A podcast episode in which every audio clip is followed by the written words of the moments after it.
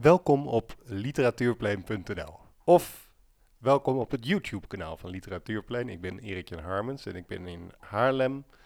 En uh, tegenover mij zit de schrijver van het werk Mooie Lieve Schat. En uh, voordat ik ga vertellen hoe hij heet, gaat hij eerst um, de eerste regels van het verhaaltje nagespeeld voorlezen. Er zijn twee vragen die me altijd worden gesteld. De eerste vraag is: hoe spreek je je naam uit? Het antwoord hierop is: altijd verkeerd. De tweede vraag is: wat is er in je verhalen echt gebeurd en wat is er verzonnen? Het is een lastige vraag, vooral omdat ik er nooit een antwoord op had.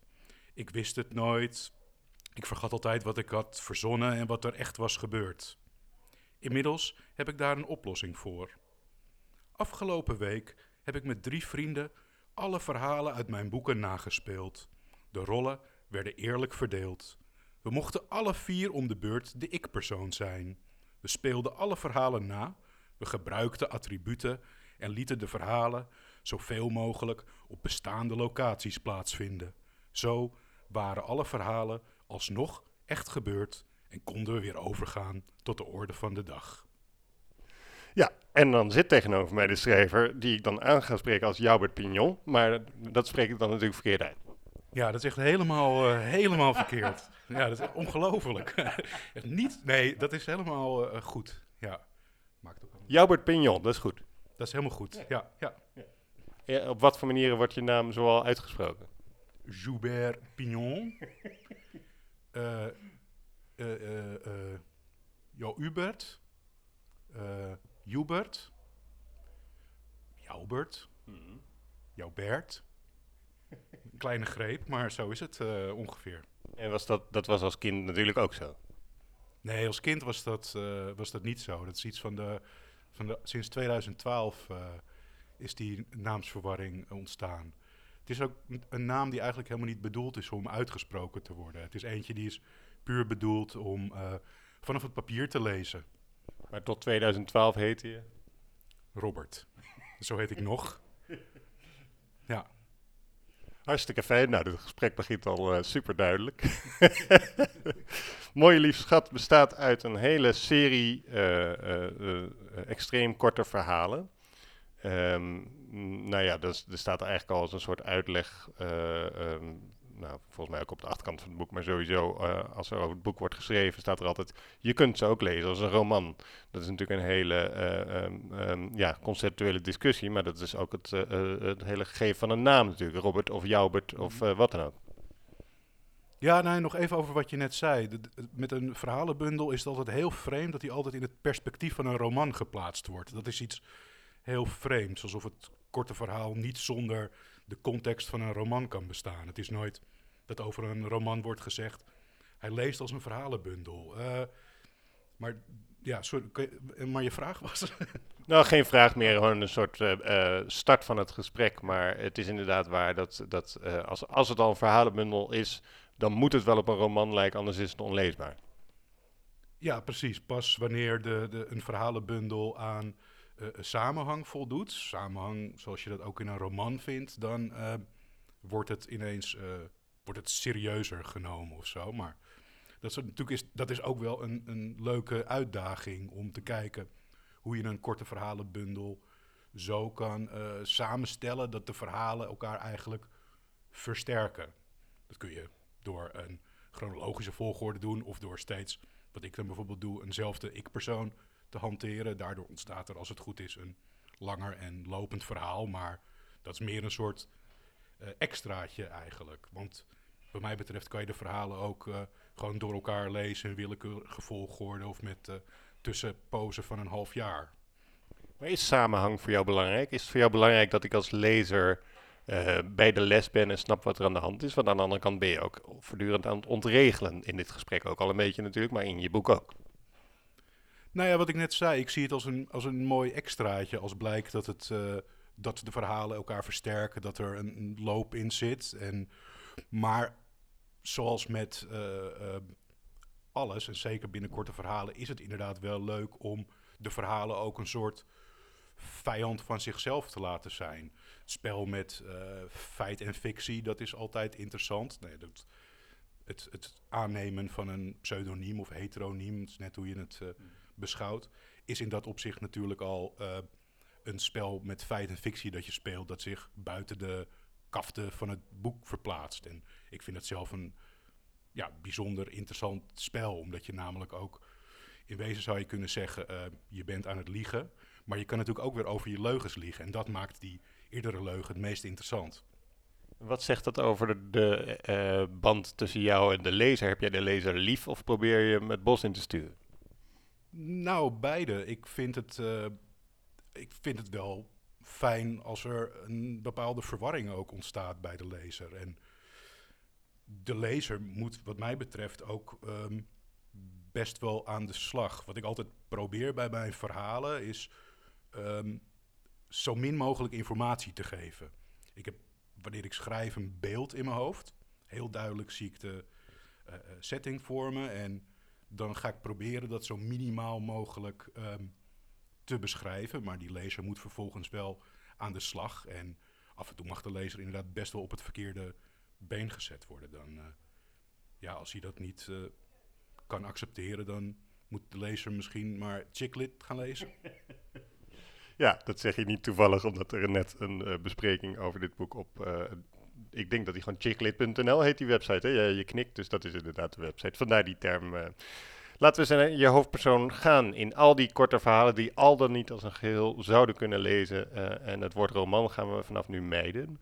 Um, jouw uh, protagonist uh, heeft zo te maken met een aantal zaken die we gaan opsommen, maar één daarvan is um, vliegende insecten. Hè? Vliegen, wespen, um, wespenplaag, bijen, ze komen er allemaal in voor eigenlijk. Is, heeft dat iets te maken met de onvoorspelbaarheid van vliegende dieren? Goeie vraag vind ik trouwens. Ja, ik, ik, ik, nou, ik ik, ja, ik ben ook helemaal nu van me apropos. Want je confronteert me nu met iets waar ik zelf helemaal nog nooit bij heb stilgestaan. Maar je hebt inderdaad gelijk. Um, de, de, ja, de, de vliegende dieren die in mijn werk voorkomen, de, de, inderdaad de, de vliegende bijen, dat zijn wel echt vijanden van de mens. Sowieso uh, is bijna alles wat in mijn werk voorkomt, is een vijand van de ik-persoon.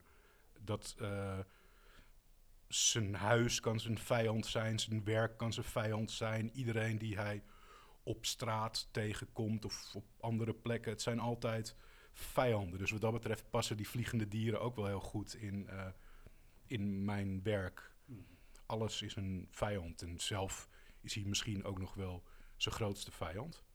Ja, maar de vijand, en ik, ik denk dat, dat, ik inderdaad wespen heb verzonnen. Dus dat vliegen en bijen in je boek voorkomen. Wespen denk ik niet. Maar je hebt geen controle over die dieren. Ja, je kunt ze doden, maar ze komen natuurlijk overal vandaan en ze vliegen hun eigen route. Um, ik ken ook mensen die bang zijn voor uh, vliegende insecten, maar dat heeft ook met die onvoorspelbaarheid te maken. Ja, ja. Een paar keer wordt inderdaad uh, wordt geprobeerd die vliegende dieren te. Uh, controleren. Met bijen is dat natuurlijk het meest uh, aansprekende of logische voorbeeld voor mensen die het boek niet gelezen hebben. Bijen worden natuurlijk gehouden in een kas en met een bepaald doel. Um, maar zijn in wezen natuurlijk totaal oncontroleerbaar. Zeker wanneer je als mens zomaar hun honing gaat afpakken. En het is ook de vliegende dieren die uh, voorkomen in het boek zijn ook allemaal op een bepaalde manier bezit van mensen, maar blijken na een tijdje zich tegen die mensen te keren met uh, zelfs dodelijke afloop. Um, iets anders onvoorspelbaars is um, de menselijke conditie. En in, het, in, dit geval is het een moedervlek die um, de hoofdpersoon kwelt.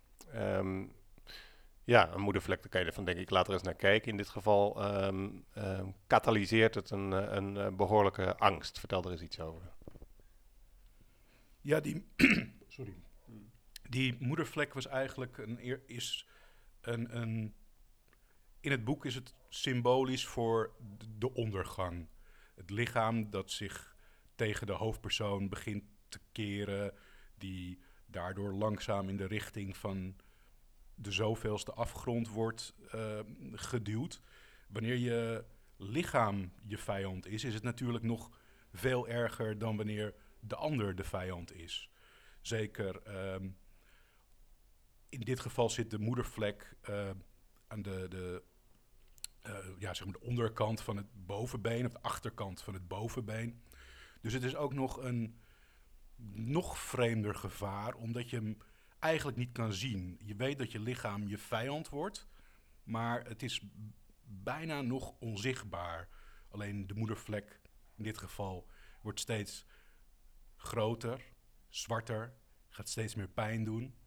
En dan uh, moeten er maatregelen worden genomen. Wat mij opvalt, als we dan die moedervlek ook zien als een metafoor voor de ondergang, um, is dat op het moment dat die moedervlek wordt weggehaald, chirurgisch, hè, plaatselijke verdoving, um, ja, dat jouw hoofdpersoon eigenlijk die moedervlek dan niet wil zien. Hij ziet hem dan uiteindelijk wel, spoiler alert, maar hij wil hem niet zien. Uh, mag ik die lijn dan ook doortrekken, dat jouw uh, hoofdpersoon ook zijn eigen ondergang niet wil zien?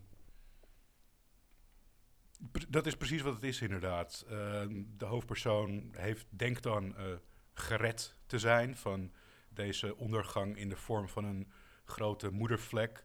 Maar dan blijken de doktoren dan... Ja, we zijn nu toch aan het spoileren. En dat is denk ik, bij mijn werk niet zo erg. Volgens mij kan je er van alles over verraden. Um, blijken de doktoren, die dan eerst hulpvaardig zijn, niet zo hulpvaardig. Want ze laten hem gewoon de moedervlek in het potje zien... die dan drijft in een vloeistof. Wat trouwens echt een super raar beeld is om... Uh, te zien ook. Dat je een deel van je eigen lichaam, wat net van je afgesneden is of uit je gehaald, dat je dat vervolgens ineens buiten je eigen lichaam ziet. Dat is een, een, een gruwelijk beeld natuurlijk. Probeer te omschrijven hoe dat eruit ziet. Een doorzichtig plastic potje met daarin een um, vloeistof die een beetje lijmachtig is. Dan drijft daar bovenop een of drijft daarin eigenlijk, in die vloeistof, een zwart stuk vlees. Met daaronder een rood stuk vlees. En daaronder wit stuk vlees. Dat is, de bovenkant is de moedervlek. Dan is het een beetje je, de rest van de huid. En daaronder zit dan je vetlaag. Een soort lasagne. Ja, een soort lasagne. Maar het heeft ook wel iets weg van een soort rare kwal. Misschien een lasagne-achtige kwal. Die daar ineens drijft. En het is onmiddellijk geen onderdeel van je lichaam ook meer. De moedervlek speelt ook in mijn eerste boek een rol. Dan um, glijdt de vriendin van de hoofdpersoon, die glijdt op haar rug van de trap. Uh, dat is niet iets wat ze expres doet, maar dat is een ongeluk dat haar overkomt. En dan worden er moedervlekken van um, haar rug gesneden. En die liggen dan op een wattenschijfje op de wastafel. En dan stopt de ik-persoon, die stopt een van die moedervlekken in zijn mond en hij proeft dan de smaak van koude pannenkoek. Dus ik denk dat misschien de smaak van koude pannenkoek er ook nog wel bij moet. Lasagne en pannenkoek in één, ja. En um, waar bestaat de ondergang van jouw hoofdpersoon uit? Want dit is dus een metafoor. Hè, het wordt uitgesneden, hij wil die ondergang niet zien, maar ja, ondergang bestaat natuurlijk in allerlei gedaantes. Dus waar bestaat de ondergang voor jouw hoofdpersoon uit? de letterlijke ondergang bestaat uit um, ondergaan aan uh, drank en het einde van de liefde. Dat zijn de twee grote lijnen die in dit boek spelen. Uh, de relatie tussen de hoofdpersoon en zijn vriendin die gaat langzaam voorbij, maar niet op een dramatische manier met slaande deuren, maar eigenlijk op een mislukkende manier. Het lijkt wel alsof zelfs het einde mislukt. En ze gaan eigenlijk op een ja, wat, wat kalme manier uit elkaar. Maar een nietsige manier is misschien beter gezegd. En een andere grote lijn die in het boek zit, is de hoofdpersoon drinkt veel en besluit uh, te stoppen met drinken. Maar ook, uh, ook daar schuilt weer een bepaald soort mislukking in nadat het eerst allemaal eh, goed lijkt te gaan en hij ook de voordelen van het niet drinken heel goed merkt, blijkt ook dat weer mis te gaan. Veel eh, dingen in het boek mislukken. Ja, en jouw uh, hoofdpersoon past zich ook voortdurend aan. Hè? In die liefde probeert hij dat in ieder geval om zich om, om toch uh, uh, enigszins als, als partner te functioneren, zeg maar.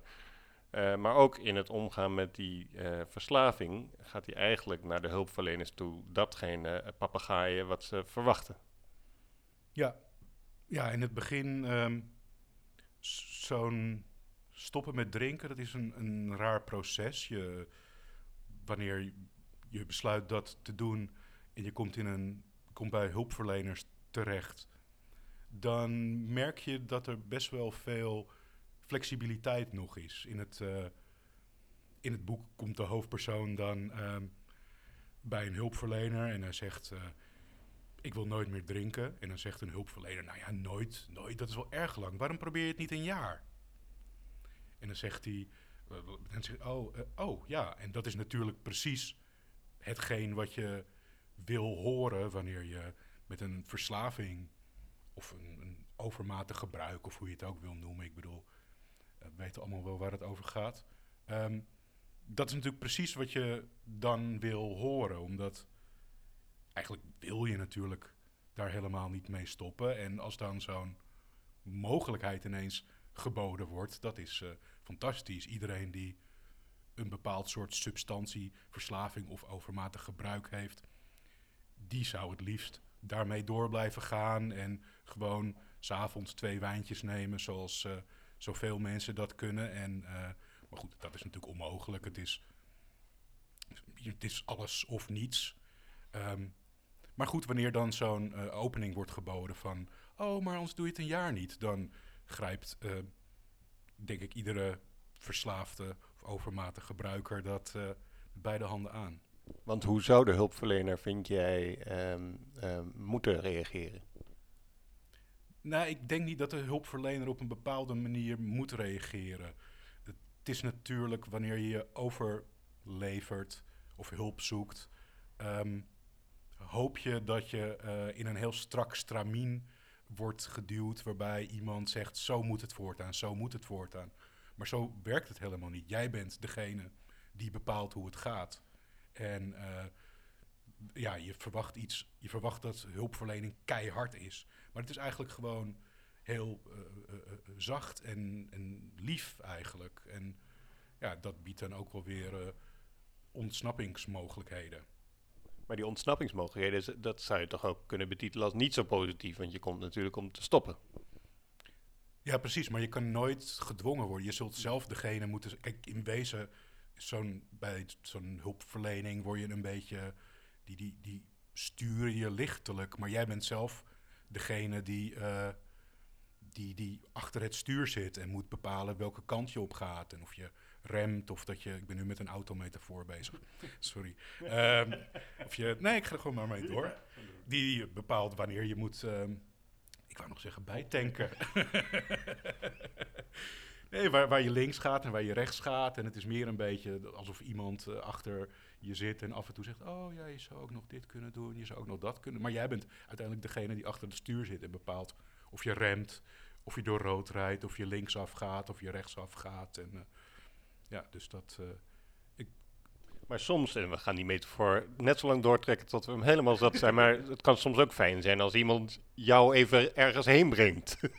In plaats van dat je zelf moet sturen.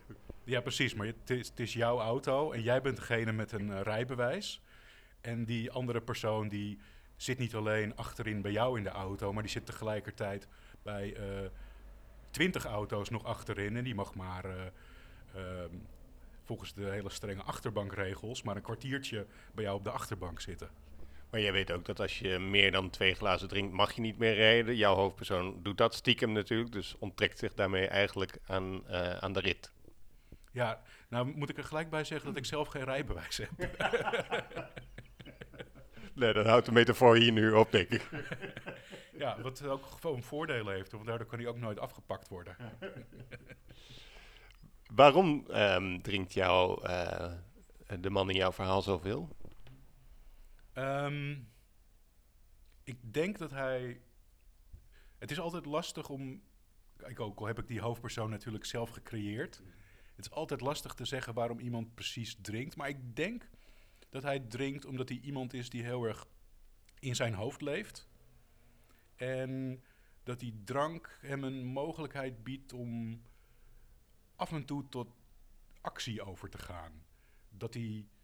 Het is een, een, een hoofdpersoon die uit zichzelf niet veel beweegt. En juist door die drank een beetje uit zijn hoofd kan komen. En het is wat dat betreft een, een ontsnappingsmogelijkheid misschien ook wel, die drank in het boek. Uh, ontsnappen aan zichzelf. Ja, het is heel flauw, maar het is wel zo. Maar betekent dat ook dat als hij niet meer drinkt, want hij, heeft wel degelijk een periode dat hij niet drinkt, dat hij dan ook volledig in zijn hoofd zit? Nee, dat is niet het geval. Het, het vreemde is dat hij ook ontdekt dat wanneer hij niet drinkt, dat juist alles beter wordt. Dat hij. Op een gegeven moment zit er ook zo'n stukje in het boek dat hij vertelt dat hij beter kan nadenken, uh, beter schrijft. Is, hij schrijft stukje, hij schrijft, de hoofdpersoon in mijn boek schrijft hele korte verhalen. Um, uh, dat hij beter kan zien, beter kan nadenken, dat hij zich beter voelt, dat hij beter slaapt. Dus het is natuurlijk ook een, een raar medicijndrank, omdat het, het, is, ja, het is medicijn en gif in één. Dus hij merkt eigenlijk alleen maar voordelen van het niet drinken, maar hij blijft het toch doen. Het is iets waar hij niet aan kan ontsnappen. Wat verwacht hij? Want we gaan niet vertellen wat mooi, waar mooie liefdeschap letterlijk op slaat. Want ik vind dat we wel iets mogen uh, als geheim mogen bewaren omtrent het boek. Maar het is niet zijn vriendin. Dat kunnen we dan wel uh, alvast uh, verklappen. Wat, wat, want hoe staat hij in die, in die verkering? Um, geeft hem dat iets of moet hij vooral veel um, brengen? Die, de vriendin in het boek wil eigenlijk gewoon een normaal leven leiden. En de hoofdpersoon is zich daar steeds meer aan, aan het onttrekken. Um, de vele vormen van verdwijnen die uh, er in het boek zit. Hij probeert ook. Hij probeert ook uit zichzelf te verdwijnen, van zichzelf te verdwijnen, bij haar te verdwijnen, weg te gaan. Het, het is het, misschien is dat ook de rol die de drank speelt, maar het is bijna het willen verdwijnen in het niets. Langzaam terugtrekkende bewegingen maken. Het boek ook eindigt ook met een visioen, droomachtig iets dat hij in zijn eentje in een ruimte zit, die hij met matrassen heeft bekleed. En dat er verder helemaal niets is. Dat er hier en daar nog een klein streepje licht naar binnen komt, maar daar zal die, dat zal hij later ook weghalen. En af en toe komen mensen bij hem langs die hem vragen stellen. En dan hoopt hij dat ze niet doorhebben dat hij niets weet. Dus het is echt. Het, ja, uiteindelijk werkt het boek naar dat visioen of dat beeld toe van het totale niets eigenlijk. Maar dat is eigenlijk een zelfgecreëerde rubber room, zeg maar. Zo'n zo'n kamer in een psychiatrische instelling waarbij je door de zachte muren uh, um, jezelf niet kunt verwonden. Nou ja, dat is precies wat het is. Uh, een, een zelfgecreëerde gekke kamer, als het ware. Het, ik merk ook dat... Uh, ik wil ook nog even zeggen dat er om het boek ook een hoop te lachen valt. maar, nou, er zit, in dit boek zit er wel veel meer duisternis dan in de eerste twee boeken. Daar zaten wat meer humoristische elementen in. En bij, bij dit boek valt er ook nog wel wat te lachen, maar de duisternis heeft wel echt de, de, de overhand uh, genomen. Het is mijn uh, Return of the Jedi, ben ik bang. De eerste twee boeken heten Er gebeurde onder andere niets en Hel, maar ik wens je uitstel toe. Dat even voor de lezer die het hele oeuvre uh, van Pignon tot zich wil nemen. maar die gekte, is dat, is dat een schrikbeeld voor jouw hoofdpersoon of eerder een moment van verlossing? Nee, hij ziet het echt als een extreem moment van verlossing. Het is er zit een, een, groot verlangen ook naar, naar de eenzaamheid en het alleen zijn. En vandaar dat hij ook constant terugtrekkende bewegingen maakt. En dat ieder besluit wat er wordt genomen ook weer gelijk wordt teruggedraaid op zoek naar dat, eh, ja, naar dat enorme niets als het ware. Wat bedoel je daarmee? Met ieder besluit wordt meteen weer teruggedraaid? Nou, de, de relatie stopt. Het stoppen met drinken stopt. Ehm, dat, dat zijn dan even twee grote besluiten. Zelfs dat soort vernieuwing wordt eigenlijk teruggedraaid in een poging om alles steeds kleiner en minimalistischer te maken. En waarom is de eenzaamheid uh, zoveel aanlokkelijker uh, dan het gezelschap? Um, ja, het is een neiging die ik zelf ook wel heel erg herken. Ik voel me bij uh, kleinheid en dingen die net boven het minimale zitten, voel ik me altijd iets prettiger. Ik breng liever tijd met één persoon dan met twee personen door. Ik schrijf liever één A4'tje vol dan uh, twee A4'tjes. En vroeger dacht ik dat het luiheid was. Um, dat het lekker makkelijk is wanneer je een kort verhaal schrijft bijvoorbeeld. Ben je snel klaar. Maar eigenlijk blijk ik dat met, met alles te doen. Wanneer ik tekeningen maak is het ook altijd op een wit A4'tje. Um, ik heb altijd weinig spullen in huis. Mijn streven is ook om zo weinig mogelijk boeken, zo weinig mogelijk cd's te hebben. Het liefst ook, dat wordt ook in het boek gezegd. Ik moet trouwens even het achtergrondgeluid verklaren. Ik heb geleerd dat dat bij podcasts prima oh kan, achtergrondgeluid, als je het maar verklaart. Dus hier staat nu een vrachtwagen van Spaar naar Landen en die is een glasbak, glasbak aan het legen. Dus dat gaat leiden tot wat uh, heftige geluiden. Oh, dit is papierbak, dus dat valt nog mee. Maar dan hebben we dat geluid even verklaard voor de lezer. Ja. Maar het is de, de, de, de liefhebberij voor het kleine. Het is mooi als je zegt ook... Kijk, nu horen we hem legen, de papierbak. Maar je zegt van uh, liever één A4 volschrijven dan twee. Dat is eigenlijk het meest treffende voorbeeld van wat je noemt. Want een, een schrijver wil natuurlijk veel schrijven. Maar jij zegt nee, liever één A4. Ja, ik wil zo... Nou ja, wat ik ook in het begin vertelde, dat ik mijn verhalen ook zo minimaal mogelijk wil schrijven. Ik heb veel meer met dat, met dat kleine en het ingehoudene en het bijna niets zeggen, maar toch iets, dan met um, iets groots en uitbundigs. Uh. Maar wat, sorry dat je onderbreek, maar wat vind je dan van schrijvers die bijvoorbeeld boeken schrijven van duizend pagina's dik? Ja, ik, ik lees ze zelf niet graag, maar ik uh, vind niet dat ze uh, dood moeten of zo omdat ze dat doen. Zeker niet, maar uh, ja, ik zelf lees het niet graag. Ik merk dat ik wanneer ik lees, ik lees sowieso wel dingen heel erg door elkaar. Dus ik creëer daardoor ook mijn kleine bakentjes. Ik lees altijd een paar boeken door elkaar en dan lees ik echt twee, drie bladzijden uit het ene boek en dan ga ik weer naar een ander boek. Dus je kunt natuurlijk ook voor jezelf heel goed dat, uh, dat kleine uh, creëren. Maar ja, ik hou niet van, um, ik hou niet van dat soort uitbundigheid. En ik vind het zelf ook fijner wanneer ik als uh, lezer, maar ook als, als, filmkijker of muziekluisteraar, als ik zelf er veel op kan projecteren. En wanneer je alles cadeau krijgt, dus met aanzwellende achtergrondmuziek en betraande ogen van een hoofdpersoon, dan geef je zoveel uh, weg, vind ik, als scheppend maker. Dan vind ik daar, daar als, als consument van die kunst, uh, ja, daar kijk ik niet graag naar. Ik vind dat, dat, dat kleine en minimale, waarbij ik dus, wat ik net zei, zelf dingen op kan projecteren, vind ik oneindig veel fijner. Maar dat is gewoon een smaakkwestie hoor.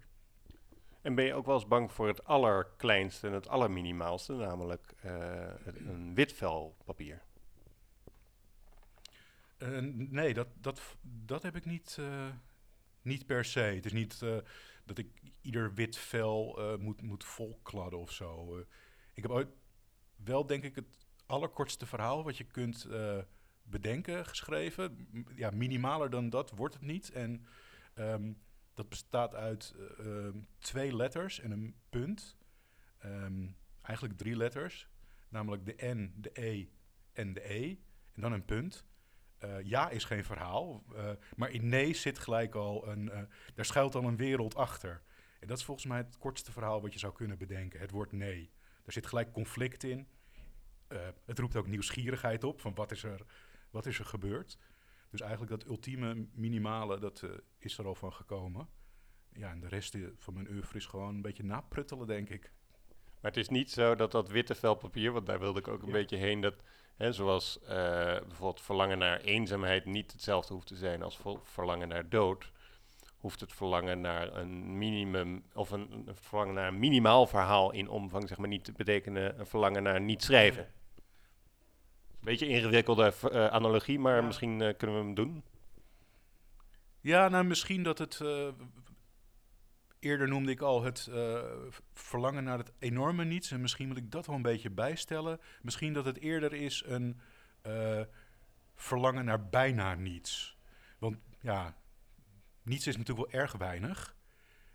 Dus het is eigenlijk interessanter als het er nog net tegenaan hangt. Als het nog net iets meer is, dat het bijna niets is, maar dat er nog wel, eh, nog wel een klein beetje iets is, maar dat als er een windvlaagje komt, dat het weg is, maar dat het windvlaagje nooit komt. Ja, is dit, is dit een, een coherent antwoord? Of ja? Zeer, ja. Ehm, eh, met als enige toevoeging dat datgene wat dus door een windvlaagje al kan worden beroerd, zeg maar, dat dat natuurlijk reuze kwetsbaar is. Dus als je zulke korte verhalen schrijft zoals jij, zo kort, met zo weinig woorden, is het ook heel makkelijk vernietigen. Hè? Een boek van duizend pagina's eh, wekt door de omvang alleen al enorm ontzag.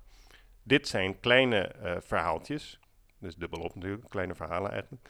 Ehm, maar daardoor is het ook heel makkelijk eh, wegvegen. Dus het, is heel- ook een hele kwetsbare vorm van schrijven. ja, maar het voordeel is dat het er wel... ehm, het zijn kleine verhalen, maar het zijn er wel heel veel. Ehm, dat is ook de manier waarop ik werk. Ik schrijf wel vrij makkelijk. Ik maak ongeveer iedere dag een verhaal van 300, 350 woorden. En na een tijd ga ik dan kijken van, wat is het eigenlijk? Ik lees het na het maken, ik lees het door en ik eh, stop het vervolgens weg. En dan na twee jaar ga ik kijken, wat heb ik allemaal? En ik gooi ook zelf dus, ik gooi zelf heel makkelijk verhalen weg. Kijk ik nooit meer naar, die verdwijnen. En van een deel van wat over is, componeer ik dan een boek. En juist omdat het zo, eh, zoveel is, kan ik er ook wel achterloos mee omgaan. En dat is ook wel een, een druk die ik voor mezelf nodig heb. Ehm, het moet niet, je moet het niet heil, te, te, je moet dat schrijven niet, niet heilig verklaren of het heel belangrijk vinden. Of als je per ongeluk een document gewist hebt, dat je dan eh, verschrikkelijk in de put zit en heel dramatisch eh, rode wijn eh, gaat lopen drinken voor het raam terwijl het buiten stormt. Eh, ik ben ook wel eens een heel boek kwijt geweest van 45.000 woorden. Nou, toen heb ik gewoon een nieuw boek van 45.000 woorden geschreven. Je werkt niet in de cloud, Jabbert.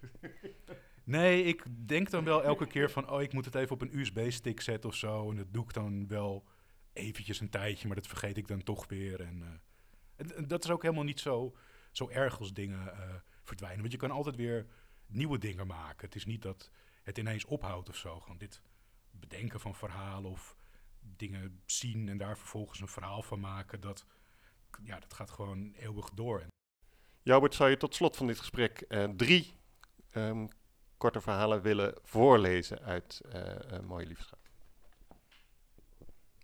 Op straat kreeg ik een idee. Ik had het vermoeden dat ik het idee al eerder had gehad, maar als dat zo was, was ik het vergeten. Dit komt in de buurt van mijn ideale creatieve leven. Het ziet er ongeveer zo uit. Een idee krijgen, het uitvoeren, vergeten dat ik het idee heb uitgevoerd, het idee opnieuw krijgen, het idee opnieuw uitvoeren, etc. Het liefst zou ik ook genoeg hebben aan één boek. Dat er een boek is dat ik zo goed vind dat ik het met een zucht dichtsla wanneer ik het uitgelezen heb, even mijmer en dan weer opnieuw begin bij de eerste pagina. Het liefst zou ik ook genoeg hebben aan één film. Dat er een film is die ik zo goed vind dat ik met een zucht de aftiteling afkijk wanneer de film afgelopen is, even mijmer en dan de film opnieuw aanzet. Het liefst zou ik ook genoeg hebben aan één cd. Dat er een cd is die ik zo goed vind dat ik de stereotoren met een zucht afzet wanneer de cd afgelopen is, even mijmer en dan de cd opnieuw opzet. Ik werk al jaren aan een schilderij. Iedere week schilder ik het over, altijd met witte verf. De titel van het schilderij is Painting for People Who Don't Like Paintings. Schilderijen en exposities moeten Engelstalige titels hebben, anders is het geen echte kunst. Het idee dat ik bedacht is dit. Ik ga een bloemlezing samenstellen van 350 één-pagina verhalen. Ieder verhaal moet van een andere schrijver zijn. Omdat ik geen zin heb om meer dan 350 boeken te lezen, verzin ik de schrijvers en de één-pagina verhalen zelf. Dat gaat een stuk vlotter. Voor iedere verzonnen schrijver verzin ik ook een biografie. Dan krijg je bijvoorbeeld zoiets. Liefde door Elenas Esprilio uit Argentinië.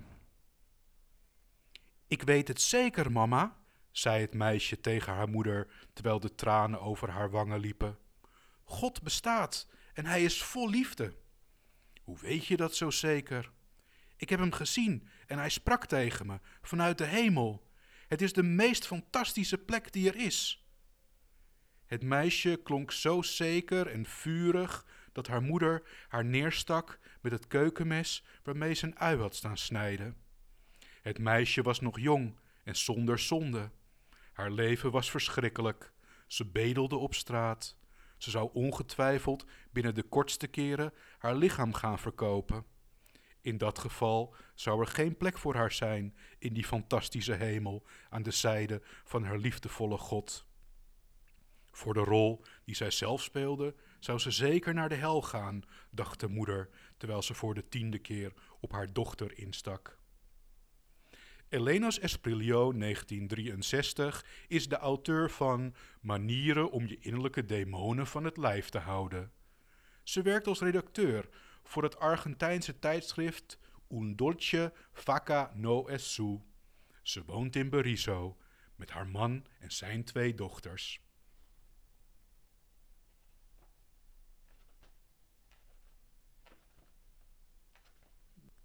Bij de kassa in de supermarkt duwt een oude man me opzij omdat hij er langs wil. Hij heeft niets gekocht, hij zegt niets, hij duwt zijn rollator voort. Ik wacht tot mijn boodschappen aan de beurt zijn om langs het bliepapparaat van de cachère gehaald te worden en kijk de oude man na. Ik heb niets gezegd. Ik denk aan de dingen die ik had moeten zeggen. Voor de bloemenstal stopt de man pakt een pet uit het mandje van zijn rollator en zet de pet op. Ik heb geen lege flessen ingeleverd. Ik heb geen klantenkaart. Ik reken af. Ik pak mijn boodschappen in. Zware dingen in mijn rugtas, minder zware in de boodschappentas. Buiten zie ik de oude man weer. Terwijl ik hem links passeer, tik ik hem rechts op zijn schouder. De man kijkt naar rechts. Net op dat moment splijt boven ons de hemel open. Sprinkhanen en zwarte takken vallen naar beneden. Ik sta stil en kijk naar boven. Open mond, wit licht. Sprinkhanen en takken kletteren op de stoep. De man duwt me opzij. Hij wil er langs.